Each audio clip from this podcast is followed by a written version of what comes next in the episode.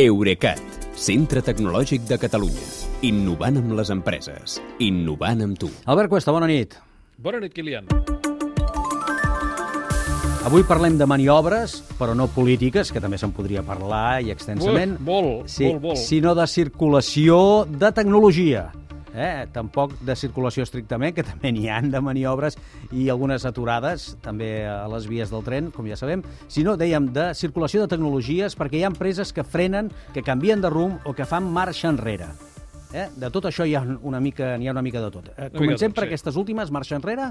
Sí, per motius d'actualitat eh, hem de parlar de Meta i de Threads, que és aquesta còpia de Twitter que demà es posarà en marxa als Estats Units i al Regne Unit. Sí. Uh, aviam, per facilitar de xuclar les dades dels usuaris, a Meta li convé més que es facin servir les aplicacions mòbils de la nova plataforma, però també tindrà una versió web a l'adreça threads.net.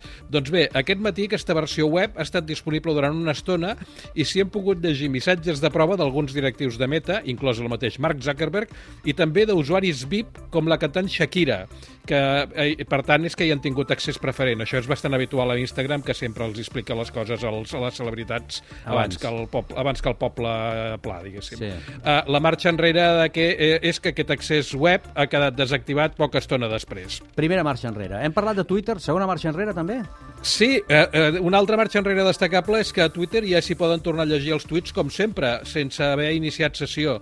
D'aquesta manera queda sense efecte la limitació que vam explicar divendres, eh, que l'atribuïem a una voluntat de captar altes noves d'usuaris, però que Elon Musk eh, durant el cap de setmana va explicar que era una mesura temporal per aturar l'accés abusiu al contingut. Evidentment era temporal i ja l'han retirat. Canvis de rumb, ara. Uh -huh.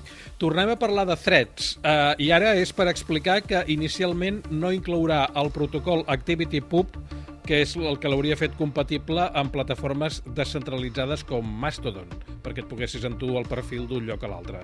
Adam Mosseri, que és el cap d'Instagram i per tant també ho serà de Threads, no ha descartat afegir aquesta funció més endavant, però ha reconegut que no han arribat a temps pel llançament inicial. Jo això t'ho encaixo amb aquest apartat dels canvis de rumb perquè clarament Meta no havia previst treure tan aviat el seu clon de Twitter, però s'han afanyat a fer-ho per treure rèdit d'aquest desgavell que pateix Twitter. I ara, frenades. La més notable és la de OpenAI, que el que ha fet ha sigut retirar una extensió pel xat GPT de pagament, el Plus, que el que feia era permet, permetria eh, fer servir el cercador Bing des del chatbot per accedir a informació actual via internet, perquè el xat GPT està entrenat amb informació anterior al 2021. Llavors, li has d'afegir una extensió perquè, perquè busqui a la web, diguéssim. El motiu d'aquesta retirada és que els usuaris feien servir la funció per saltar-se els murs de pagament d'alguns mitjans de comunicació. Tu li donaves l'adreça web de la notícia protegida que volies llegir i ell te la copiava sencera i de franc. I, naturalment, això als mitjans afectats no els hi ha fet cap gràcia. Eh, són mitjans que, de fet, ja són molt crítics amb com les empreses d'intel·ligència artificial entrenen els seus models. De fet, Google aquest cap de setmana ha actualitzat discretament la lletra menuda de la seva política de privadesa per especificar que entrena els seus algoritmes fent servir el contingut de la web oberta. De tota manera, les empreses d'intel·ligència artificial, siguin OpenAI i, o Google o qualsevol altra, ja no s'escapen de les demandes.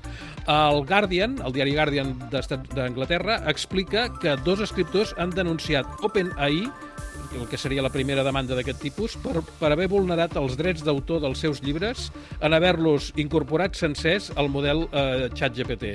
De fet, OpenAI no és que hagi donat mai gaires detalls sobre com entrena el seu model, però aquests dos escriptors asseguren que quan s'interroga el chatbot sobre les seves obres, les respostes que dona són idèntiques al text I original. això és molt sospitós, és clar.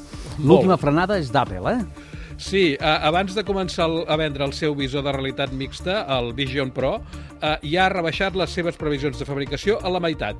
Eh, de fet, Apple no havia arribat mai a dir públicament quantes unitats esperava vendre, però tots els observadors donaven per sentat un milió de visors durant el primer any.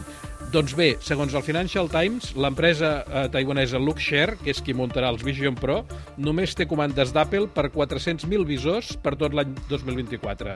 I altres proveïdors, com Sony, han filtrat quantitats encara més rebaixades que les que s'esperaven. Tira cap avall, vaja. Escolta'm, moltes gràcies, Albert. Tirem cap amunt demà, va.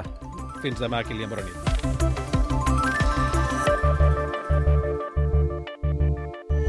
Eurecat, centre tecnològic de Catalunya. Innovant amb les empreses. Innovant amb tu.